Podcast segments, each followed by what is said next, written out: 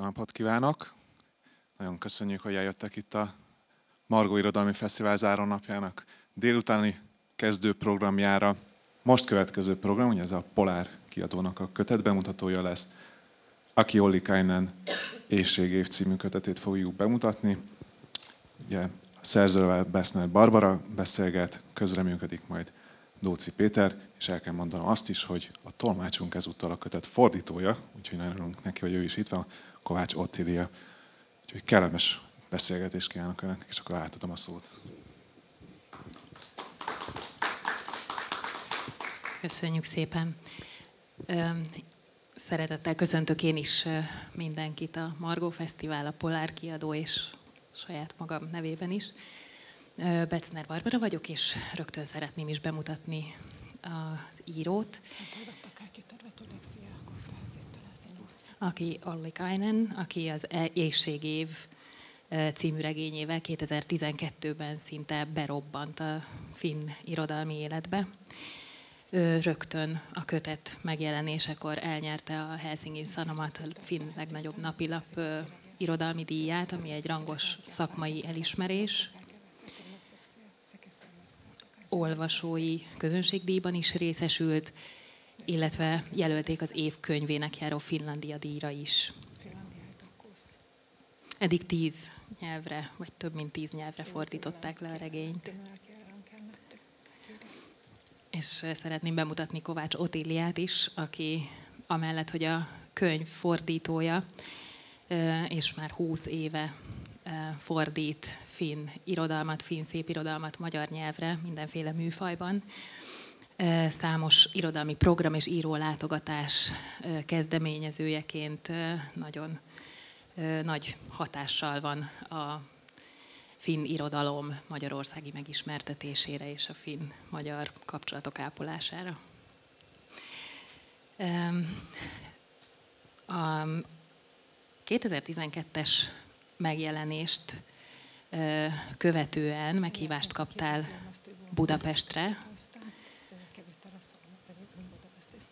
Első könyvesként bemutatkozni, de most a mai olvasóközönség most ismerhet meg téged igazán, így az első könyved magyar fordításának megjelenése alkalmából.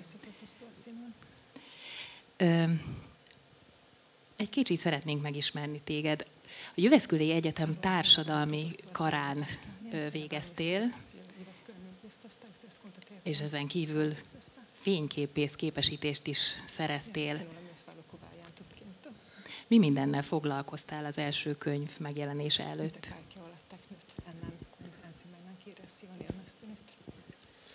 No, ennen ensimmäistä kirjaa mä työskentelin Lapissa toimittajana paikallislehdessä. Az első könyvem megjelenése előtt Lapföldön dolgoztam egy helyi újság szerkesztőjeként. Ja siinä ja sitten opiskelutkin kesken, kun muutettiin sinne Lappiin. Että en ehtinyt valmistua koskaan yliopistolta. Että mun piti muuttaa sinne vain vuodeksi, mutta mä jäin sitten vuosikymmeneksi sinne. És hát a Lapföldre költözés előtt ö, ö, folytatta tanulmányait az egyetemen, és a alapföldi tartózkodás igazából csak egy évnek indult, de aztán sokkal hosszabbra, több évre nyúlt.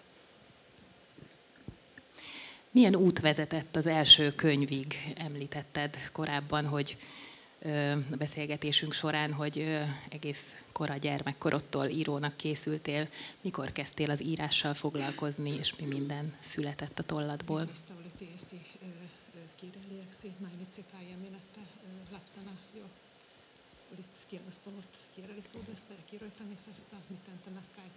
kuljettu Joo, kyllä mä aika nuoresta asti haaveilin, että musta tulee kirjailija ja oikeastaan mitään muuta urasuunnitelmia mulla ei ollut, että sitten muualle päädyin aina vähän niin kuin vahingossa sitten eri paikkoihin, mutta se oli aina haaveena, että kirjailijana elättä sitten sen.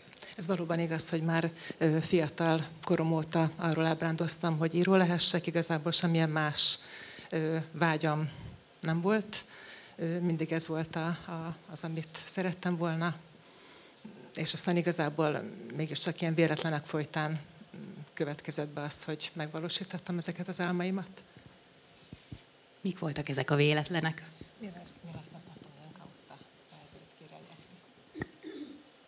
No kirjoittamalla oikeastaan. En tiedä minkälaisia sattumia siinä oli. Että tosiaan esimerkiksi opintoja en miettinyt sille, että valmistuisin tai että musta tulisi jotain ammattiin valmistuisin, vaan että se jollain tavalla tukisi sitä haavetta siitä kirjailijuudesta. Ja, sitten vähän sattuman kautta päädyin myös toimittajaksi sinne Lappiin ja sitten sai elättää itse kirjoittamalla, niin se oli jo ihan mukavaa harjoittelua siihen kirjailijan ammattiin. Tehát, hogy véletlen, véletlen, igazából folyamatosan írtam, tehát ez talán nem feltétlenül véletlen. Aztán lapföldre, és amikor helyi lap szerkesztőjévé vált, akkor is tulajdonképpen folyamatosan írt.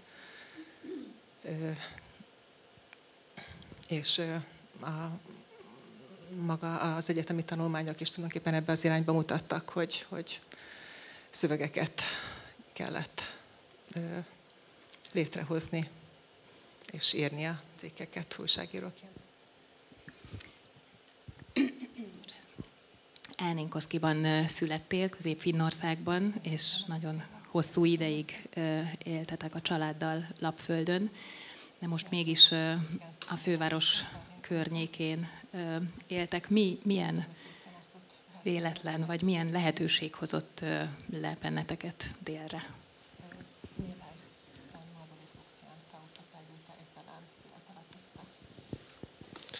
No tosiaan sinne Lappiin päädyin vähän niin kuin sattumalta ja sieltä sitten oikeastaan sattumalta poiskin, että kun tuo ensimmäinen kirja ilmestyi, niin mä pääsin semmoiseen residenssiin asumaan, mutta mut valittiin siihen asumaan kolmeksi vuodeksi semmoisen ison kartanoon, jonka suomalainen naiskirjailija oli testamentannut säätiölle ja siihen valittiin sitten aina joku kirjailija asumaan joksikin aikaa. Se oli oikeastaan syy, miksi että sieltä Lapista muutettiin etelään ja sitten kun oli sen pitkän matkan tullut pois sieltä, niin ei sitten enää tullut lähettyä takaisin Lappiin, vaan tavallaan oli helpompi sitten etelässä kaikki nämä esiintymiset ja muut, mitä niin kuin kirjailija-arkeen kuuluu, niin niitä oli helpompi hoitaa sitten niin kuin etelästä päin. Tehát Lapföldről, a Lapföldről való elköltözést az segítette elő, vagy azt hozta meg, hogy az első könyv, amely 2012-ben jelent meg, ez a bizonyos éjségév, azonnal nagy sikert aratott, és még ugyanabban az évben egy alkotóházi három éves tulajdonképpen tartózkodást nyert el, aki a családjával együtt. Ez a, egy női író, a, aki a végrendeletében az Írószövetségre hagyományozta a házát, és azt a lehetőséget, hogy három évente egy-egy finn írót családjával ebben a házban, vagy egy-egy, tehát három évre ebben a házban élhet, és a teljes költségeit az Írószövetség, illetve az alapítvány vállalja, tehát aki ennek a keretében került el a földről Dél-Finnországban, három évet töltött ebben a, ebben a idillikus környezetnek tekinthető és nevezhető házban, és a, igazából nem csak a, egy ház, hanem egy ilyen gyönyörű idilli vidéki környezetet, gyönyörű természetet ayet kell elképzelni a ház körül, tehát hogy ott éltek, és aztán ahogy beindultak a további regények, már könnyebb volt itt Dél-Finnországból intézni a különféle fellépéseket, írótalálkozókat, akár kiadókkal való egyeztetését, mint visszaköltözni a földre, tehát így marad délen. valóban nagyon, nagyon, nagyon ritka, hogy első könyvesként ilyen gyorsan és ilyen sokféle díjat megkaphat valaki.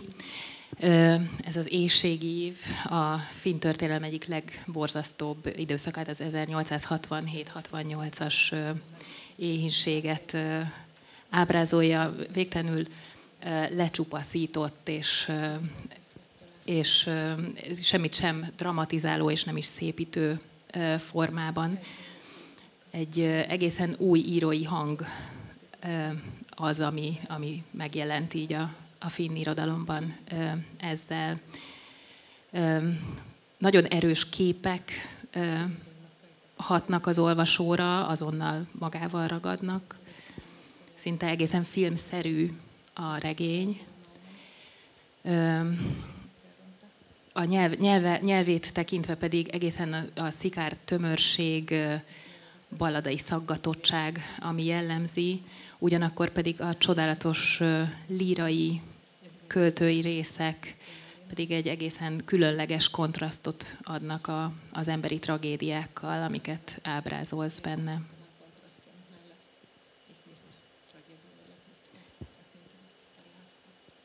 Hogy találtad meg ezt az írói hangot, amit sajátodnak mondasz?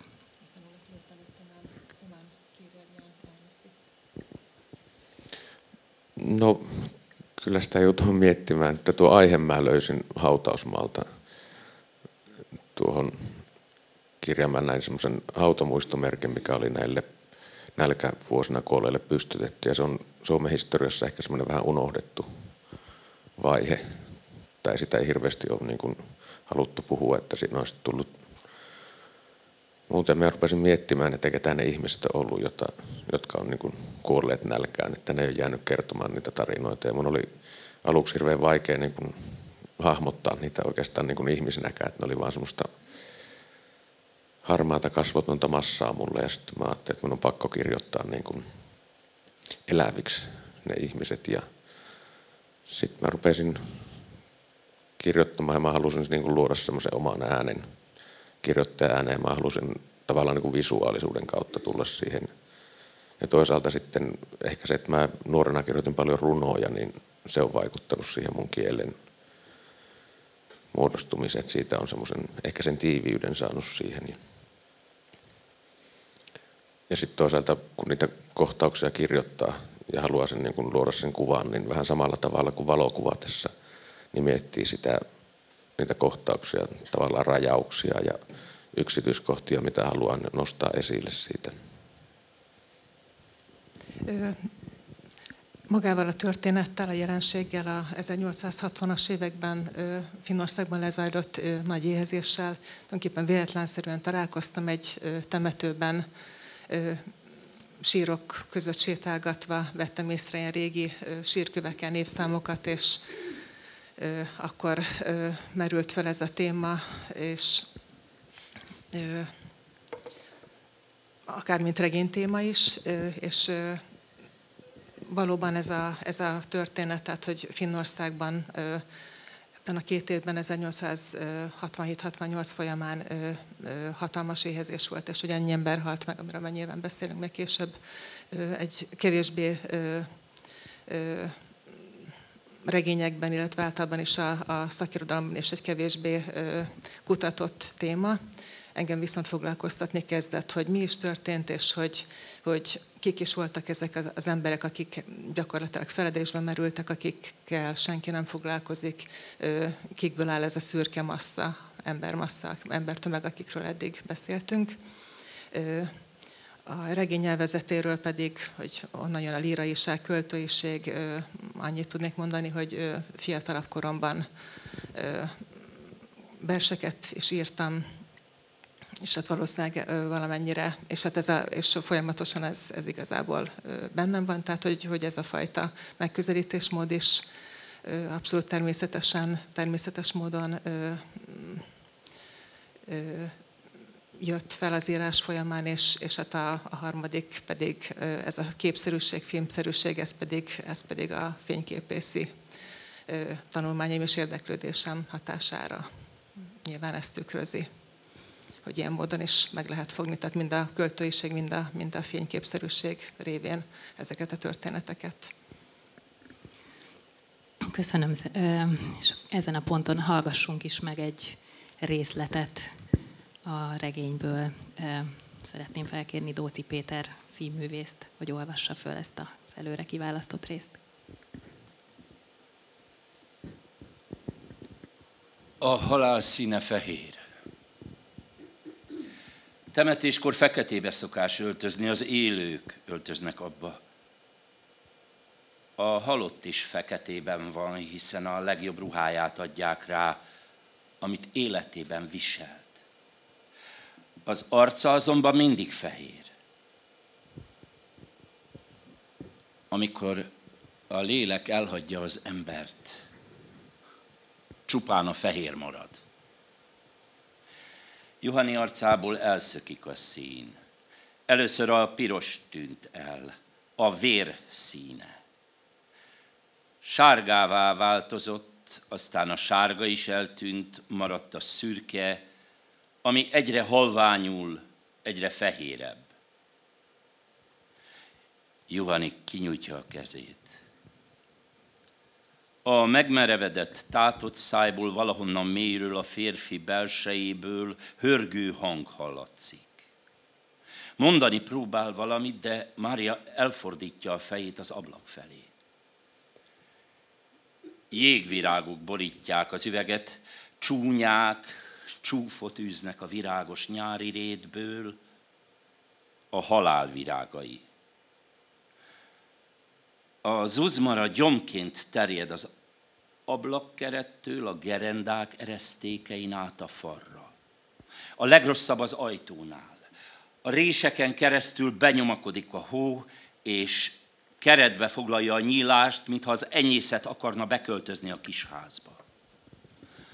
Maria leteszi juhót a padra, és még szorosabban bebugyolálja a gyermeket a takaróba. Azután átmegy a szoba túlsó felébe, és a férje fölé hajol. Juhani arca összeaszott, hitvány borosta borítja, amely úgy meredezik, akár az elfagyott vetés. Szeme, mint lég a tójegén, amelyben nincs hal. Lélegzik, ezt a melkasa emelkedéséből látni. Hallani azonban nem lehet, mikor vesz levegőt. Jézus, Mária, Jézus segíts. Mindig ez a Jézus hozás. Mária visszamegy a szoba másik sarkába, és ölébe veszi juhót. Mataléna a fáradtan pislákoló tűzre. Tedd rá az összeset, sóhajtja Maria. Kéne hagyni tartalékba, ha már nem hozunk be többet. Mit számít? Matalina letérdel az apja mellé, és kezét annak forró homlokára teszi.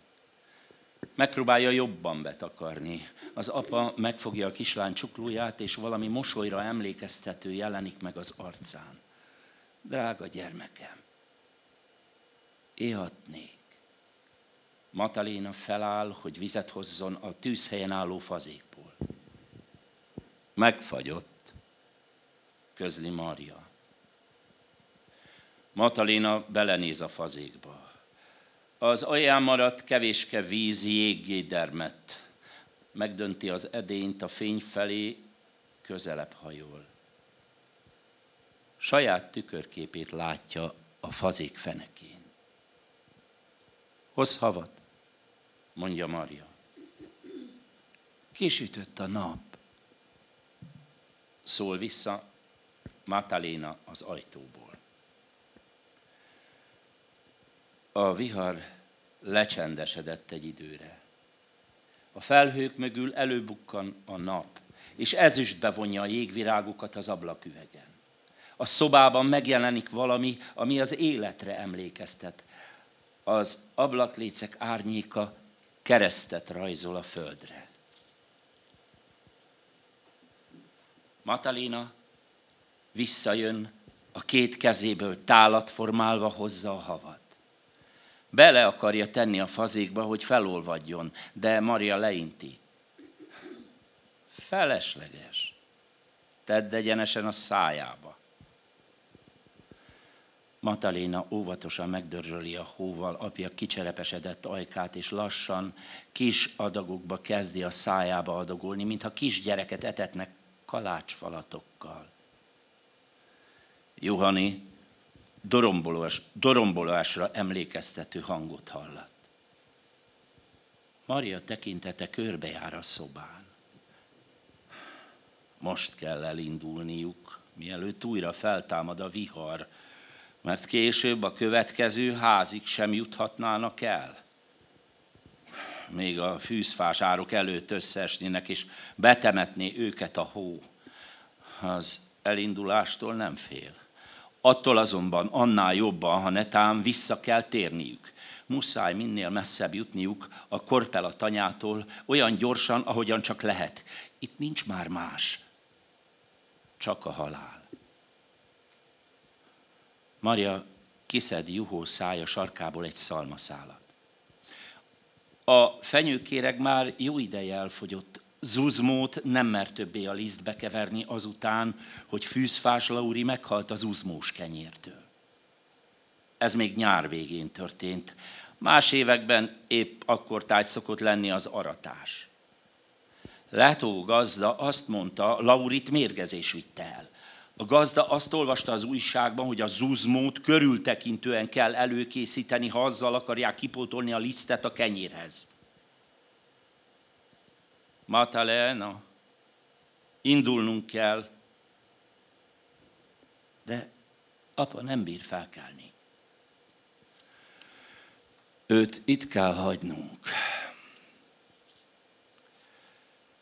Mataléna apja hasára hajtja a fejét, arcát a takaróba furja, sírdogál.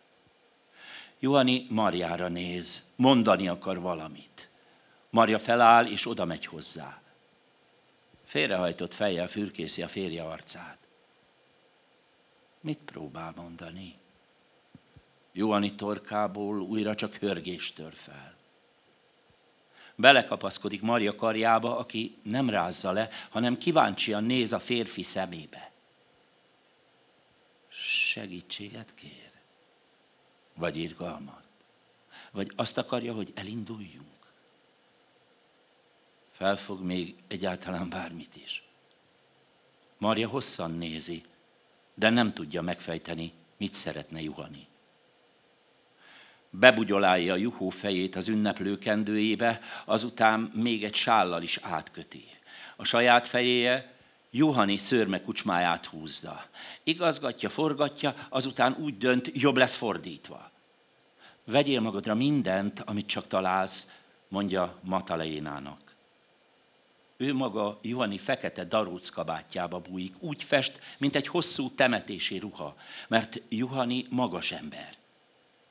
Vagyis magas ember volt kezét Juhani kesztyűjébe bújtatja, a sajátját Matalénának adja, Matalénáit pedig Juhó kesztyűs kezére húzza. Fát kell hozni apának, szólal meg Mataléna. Maria Juhanira pillant, azután kimegy. A fény betódul az orjukain, a szemén, befurakodik a ruha alá, be a test összes nyílásán, és egy pillanatra betölti az égség vájta ürességet. Maria terpezben áll, és hagyja, hogy a nap hideg levegővel ölelje körül a testét. Azután elindul a hóviharban eltemetődött ösvényen az istáló felé, hát ha mégis akad valami eltüzelhető. A hótól nem bír belépni. Ezért megragadja az amúgy is rozoga ajtó egyik deszkáját, sovány teste minden erejét megfeszíti. A rozsdás szög megcsikordul ahogy kiszakad a fából. Maria elveszíti az egyensúlyát. A puha hó felfogja az esést. A házban Maria a padnak támasztja a deszkát, rááll és ketté töri. Mataléna Juhani kézfejét simogatja a kesztyűjével. Juhó pedig apja komlokának támasztja a fejét. Megindító, egyúttal furcsa látvány. Mariát elfogja a szomorúság. Érzi, ahogy megremeg az álla, de a torkát szorongató sírást a kájhába köpi. Mataléna az ajtóhoz tereli kisöccsét, Maria Juhani kezébe adja az utolsó darabka szalma kenyeret. Megtölti a fazekat hóval, és az ágy mellé rakja, hogy a férje elérhesse. ennél többet nem tudok tenni, érted? Suttogja Maria. Johani megragadja az asszony vállát, és megpróbálja felhúzni magát, de nem sikerül. Hörög, de nem lehet kivenni, mit mond. Aztán visszahanyatlik a fekhelyére. Maria leveszi válláról Juhani kezét, és a férfi melkasára helyezi. Ajkát Johani homlokára szorítja, majd hirtelen a szájára, és ott tartja sokáig, hogy még egyszer, utoljára egy ritmusban lélegezhessen a férjével.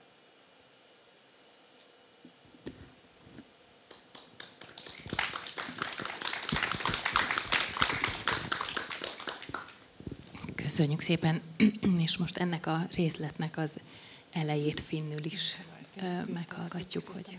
Köszönöm. Köszönöm, Petke. Nagyon szól meg szépen.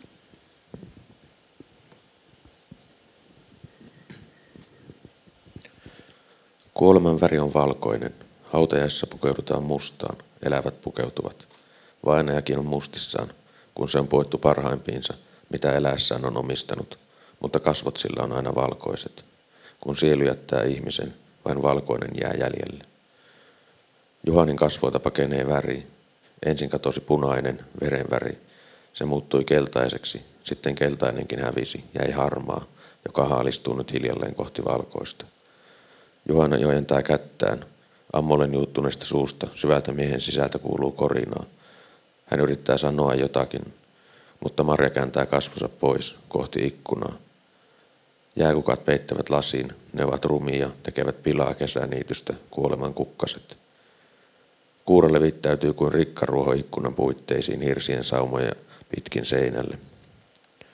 Pahin on ovi, sen raosta lumi työntyy sisään ja kehystää oviaukon kuin kalma, joka aikoo asettua torppaan asumaan. Marja laskee Juhon sylistään penkille ja kietoo huovan tiukemmin lapsen ympärille. Sitten hän astuu pienen huoneen poikki ja kumartuu lähelle miehensä kasvoja.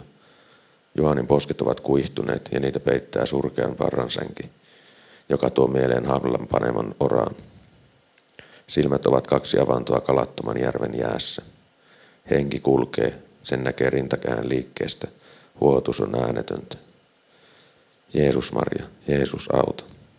Aina siitä Jeesuksesta. Kiitos. A cári Oroszországhoz tartozó finn nagyhercegségben járunk, ahol az 1850-es évektől kezdve egyre szélsőségesebb időjárási jelenségek alakultak ki. Hosszú esőzések, váratlan fagyok, akár júniusig tartó havazás miatt alakult ki az élelmiszerhiány. Finnország ekkor külföldi gabona segélyben is részesült, egy ízben magyar segítségben is. A mélypontot aztán ez, ez az időszak, amit a könyv is feldolgoz, az 1680 1868-as év jelentette, amikor nagyon sokan útnak, ezrek és ezrek indultak útnak a jobb jövő reményében, a vélt jobb módú vidékek felé. A társadalmi traumák feldolgozásában nagyon sokszor az irodalom nyújt segítséget egy nemzet életében, és az előbb említetted, hogy, hogy nem nagyon van a finn irodalomban ezelőtt az éhés, éjség év megjelenése előtt példa arra, hogy ezt az időszakot feldolgozzák. Mit gondolsz, mi lehet ennek az oka?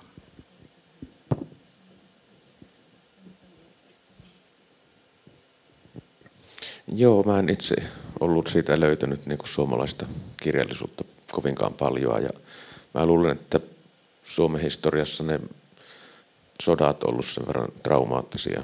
Ensin sisällissota, kun Suomi itsenäistyi 1917. Niin heti seuraavana vuonna oli sisällissota, sitten talvisota tietysti. Eli toisen maailmansodan aikana ne on jättänyt jonkunlaisen semmoisen vahvan jäljen suomalaisen semmoisen historiaymmärrykseen, että ne vähän vei elintilan kaikilta muulta, mitä siinä on. ollut. Ja mä oikeastaan aloin kirjoittaa myös sen takia tuosta aikakaudesta, että musta se on niin kuin semmoinen universaali ja ajaton oikeastaan aihe, että se toistuu historiassa niin kuin eri paikoissa eri aikoina.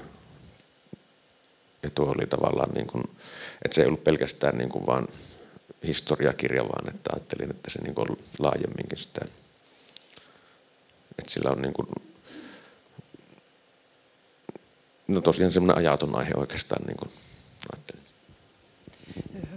Azért is fordultam e felé a téma felé, mert úgy vettem észre, hogy igazából a, ugye ez az 1860-as évek végére esik ez az időszak, de a finn szépirodalomban igazából az ezt követő események, főleg a, a függetlenség, az 1917-es függetlenség utáni polgárháború, 1918-19, valamint a második világháború alatti finn téli háború, illetve folytatólagos háború, tehát 39-től kezdődő háborús események valahogy nagyobb hangsúlyt kaptak mindig is a finn szépirodalomból, tehát a háborús helytállás, a hősiesség és a már önálló Finnország megvédése, ez valahogy nagyobb hangsúlyt kapott, én pedig erről a kevésbé ismert és talán kicsit feledésben merült időszakról gondoltam írni.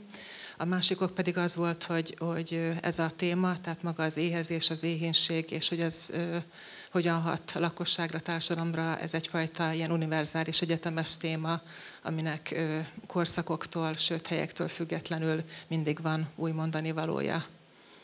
Úgyhogy ezt is egy fontos motivációnak éreztem a témaválasztásnál. Valóban így van, és erre röviden még szeretnék is visszatérni, most azonban még a történelmi háttérről annyit, hogy bár ugye ez történelem ihlette ezt a regényt, de mégsem történelmi regény, így történelmi fikcióról beszélünk, mely azonban azért egy elég egyértelmű keresztmetszetet ad az akkori társadalomról megismerjük a behavazott utakon járó koldusokat, a nyomort, a nélkülözést, akiket az út végén a fehér halál vár egy tömegsírban. Megismerjük a jobb vagy kevésbé jó sorban élő parasztokat, akik őket befogadják,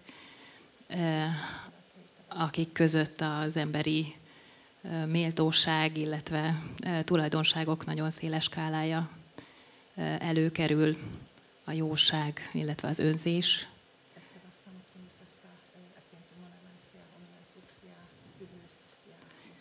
De megjelennek Helsinki tehetős polgárai is, akik otthonok, meleg otthonokban ülve gondolkoznak arról, hogy mi lehet erre a problémára a megoldás. Az ábrázolt karakterek annyira valóságosak ebben a műben. Volt esetleg a, a történelmi szak írásokon, tanulmányokon kívül más forrásod is esetleg fennmaradtak különböző visszaemlékezések, családtörténetek, amik alapján dolgoztál, és megismerted jobban ezt az időszakot?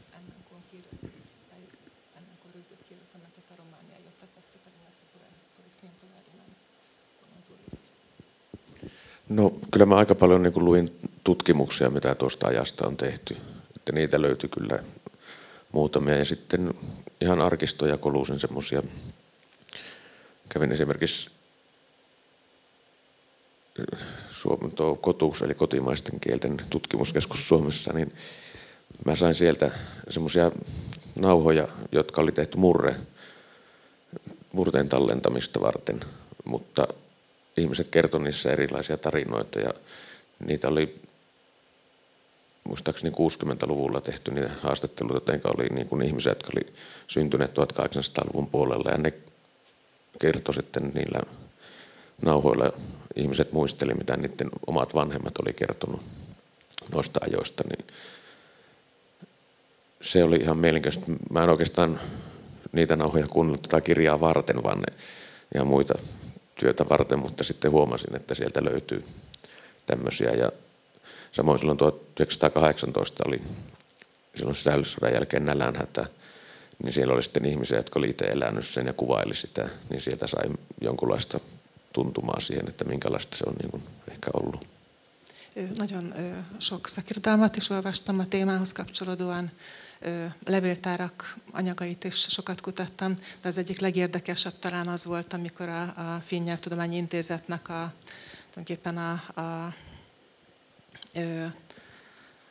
hajdani, tehát hogy ö, egészen régi hangfelvételeit, ö, elér, egészen régről elérhető hangfelvételeit volt módom lehetőségem hallgatni, ahol idős emberek, akár a saját, akár a szüleik vagy nagyszüleik életéről meséltek a az őket kérdezőknek, és például 1918-ban a polgárháborút követően szintén volt egy nagy éhénység, és ennek a, a tulajdonképpen a tanúi vagy elszenvedői még, még abban az időben, illetve ezek a hangfelvételek megvoltak itt a Nyelvtudományi Intézetben. Tehát tulajdonképpen mindaz, amit a 1918-as éhezésről elmeséltek azok az emberek, mint kortársak, átélők, elszenvedők, az is nagyon élő és inspiráló volt számomra ahhoz, hogy a regényben tudjam ábrázolni ezeket az érzéseket, hogy ezek a szegények, akik ott vándorolnak a behavazott utakon,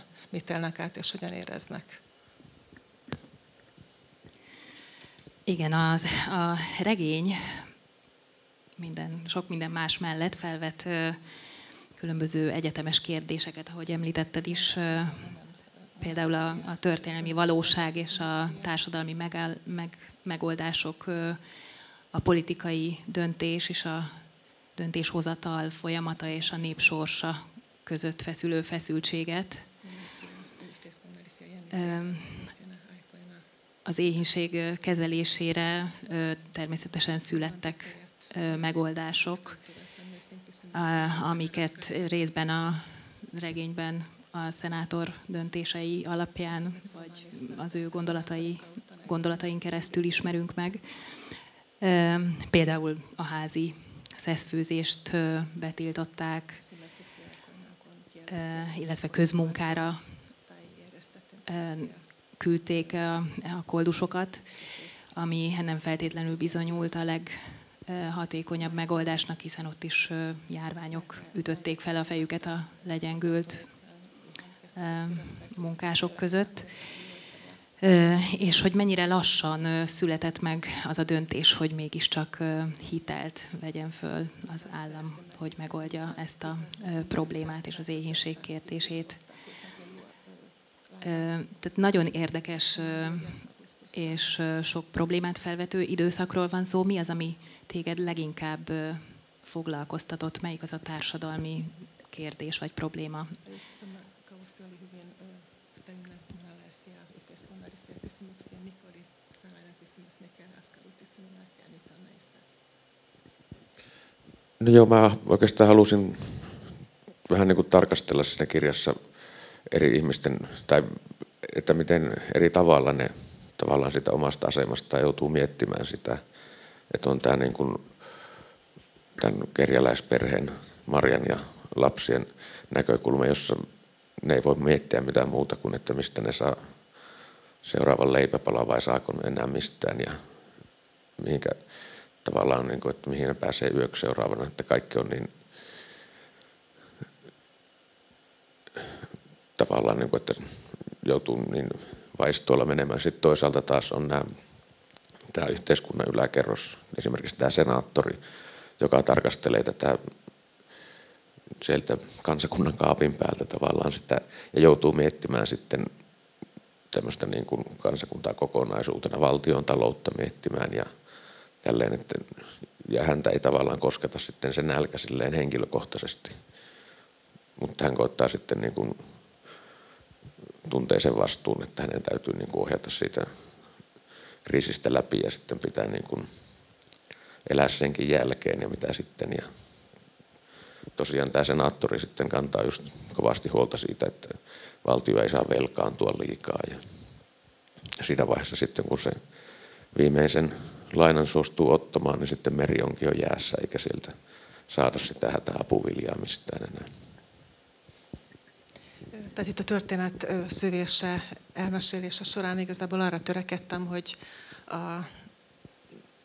a szereplők minél sok oldalúbb, illetve ezt a történetet minél több szereplő szemszögéből mutassam meg. Tehát egyrészt itt vannak a szegények, akiket azt foglalkoztat, hogy a következő falat kenyér, akár a holnap, akár, akár csak egy pár óra múlva, hogy hogyan élnek túl, tehát pillanatról pillanatra, és hogyan, hogyan uh, tudnak tovább haladni, hogyan tudják a, a szeretteiket életben tartani, tényleg napról napra, óráról órára szinte.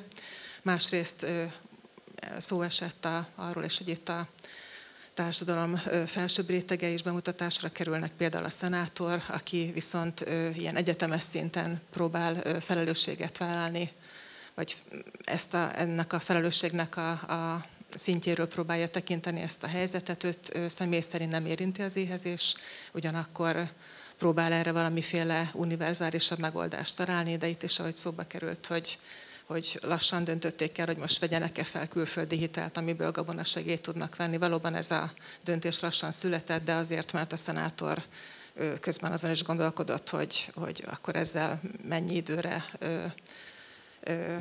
hozza nehéz gazdasági anyagi helyzetbe, adósítja el a fiatal születőben lévő államot, és aztán mire megszületett ez a döntés, hogy valóban felveszik azt a bizonyos hitelt, ami lehetővé teszi, hogy külföldi segélyek, segélyek érkezzenek az országba, addigra befagyott a tenger, és már nem tudtak megérkezni, befutni a finnországi kikötőkbe például ezek a hajók. Tehát nagyon összetett a probléma, és sok oldala van, és sok szemszögből lehet ezt vizsgálni. És ahogy említetted, valóban egy messze túlmutat a finn történelmi kereteken ez a, ez a mű. Egyetemes üzenete van, hiszen ezek a világjárványok és menekült hullám, nem kell messzire menni ahhoz, hogy eszünkbe jusson az ukrán-orosz háború sem. Ezek nagyon aktuálissá teszik ma is ezt a, ezt a könyvet. Az elmúlt tíz évben nagyon sok fordítás született. Látsz, két kérdés sem van ezzel kapcsolatban, látsz-e összefüggést a, a különböző nyelvre fordítások és a világ folyása történései között, illetve számodra alakul-e más olvasata ennek a, ennek a tíz évvel ezelőtt íródott műnek?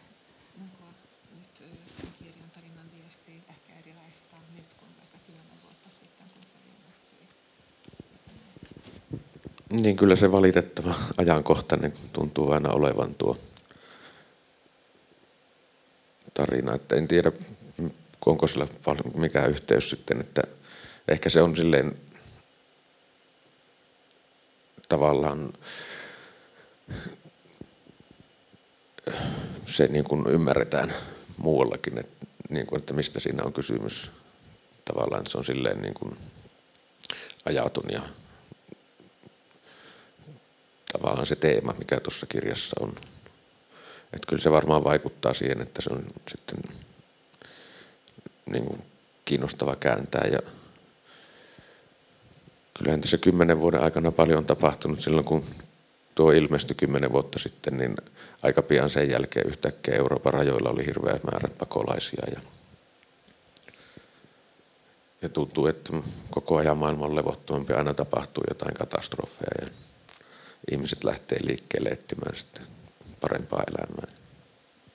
Igen, tehát hogy az, az elmúlt tíz év alatt valóban sok minden történt, és ezek a történések, hogy, hogy hát a világ nem nyugszik, hanem folyamatosan ugye menekült áradatok indulnak meg a világ különböző részeiből, más részei felé, az, hogy nyugtalanságok, háborús történés az ennek. Ezt nem lehetett persze előre jelezni, de hát hogy ez, ez is jelzi azt, hogy ez a történet, mint történet önmagában egy gyakorlatilag időtlen és, és mindig aktuális, sajnálatos módon, úgyhogy valószínűleg a, a fordításokat, hogy ennyi nyelvre lefordították, ez is magyarázza, hogy, hogy ez egy olyan történet, ami mindenhol, sajnálatos módon mindenhol és mindig működik, és érdekes lehet az olvasók számára. Ja tuohan tosiaan tuo nälänhätä johtui ilmastonmuutoksista, mitä siinä tapahtui silloin, että on se tietysti siltäkin kannalta ajankohtainen koko ajan. Että És hát a másik, ami fontos megjegyzendő itt, hogy az, a bizony, az az éhínség is részben a, az éghajlatváltozástól is, illetve éghajlati változásoktól is, vagy éghajlati változások is okozója volt, tehát ez is egy olyan aktuális kérdés, amit nem lehet figyelmen kívül hagyni, illetve amiről nem szabad megfeledkeznünk, tehát többszörösen aktuális a történet.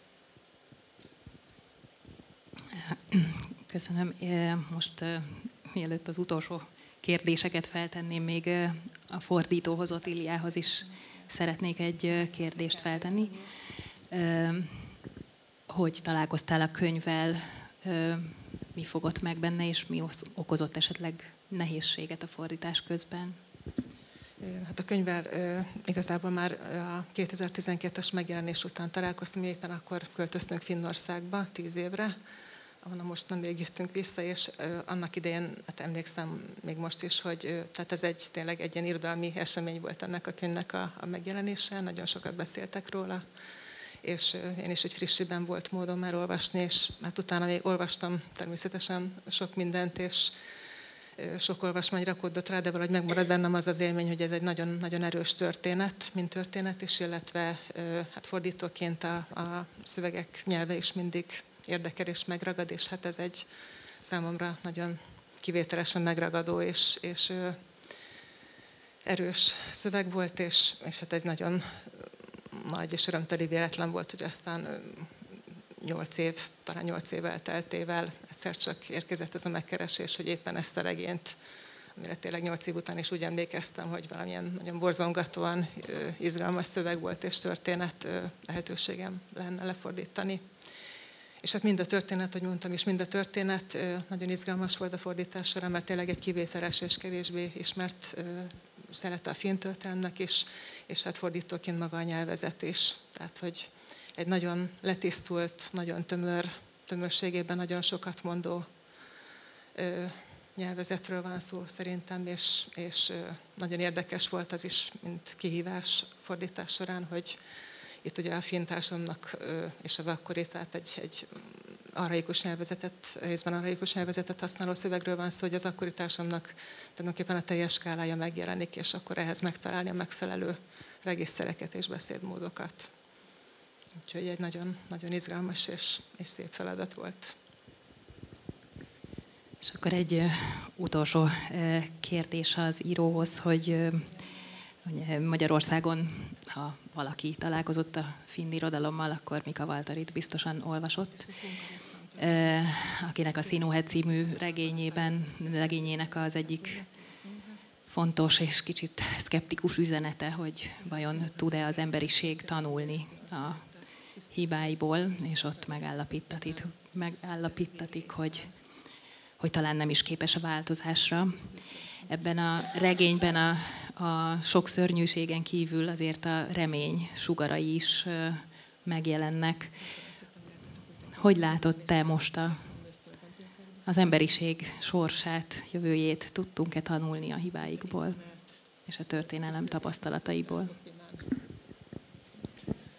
No ainahan sitä on hyvä toivoa, että ihmiskunta oppisi, mutta kyllä se aika usein se kertausopintoja äiti, että pitää ne samat virheet toistaa ennen kuin viimein sitten ymmärtää, että nyt pitäisi sitten mennä eteenpäin, mutta pieni toivonkin pienen pitää säilyttää kuitenkin. Hát igen, maga ez a történet is felveti azt, hogy valóban, valóban képes az emberiség tanulni, és hogy valóban esetleg újra és újra meg kell történnie sokszor szörnyű dolgoknak is, hogy ezek valahogy bevésődjenek és tanulságá váljanak, de, de mindenképpen az író azon a véleményen van, hogy kis reménysugárnak meg kell maradnia, hogy igenis van remény, és, és lehet előrébb lépni és haladni. Úgyhogy a remény, reményel zárjuk. Igen, köszönöm szépen, és akkor már csak egy záró gondolat erejéig szeretném elmondani, hogy, hogy aki Ollikainen nem csak természetesen ezzel az egy regényével vált ismerté, utána később írt még több regényt, amelyek közül kettő hamarosan magyar nyelven várható. A Krisztus második eljövetele és a Pastorál című regénye a Palár kiadó gondozásában. de a, rengeteg műfajban alkotott gyermekverseket is írt, sportolóról, életrajzi regényt, és újabban a feleségével közösen krimi sorozatot írnak, aminek a második regénye jelent most meg finnül, és ezek is várhatók majd magyarul, úgyhogy mindenkinek szeretettel ajánlom a, aki munkásságát. Köszönöm szépen a beszélgetést. Nem tudom, hogy esetleg közönségkérdésre van-e még idő. Nincsen sajnos. Akkor nagyon szépen köszönjük a figyelmet.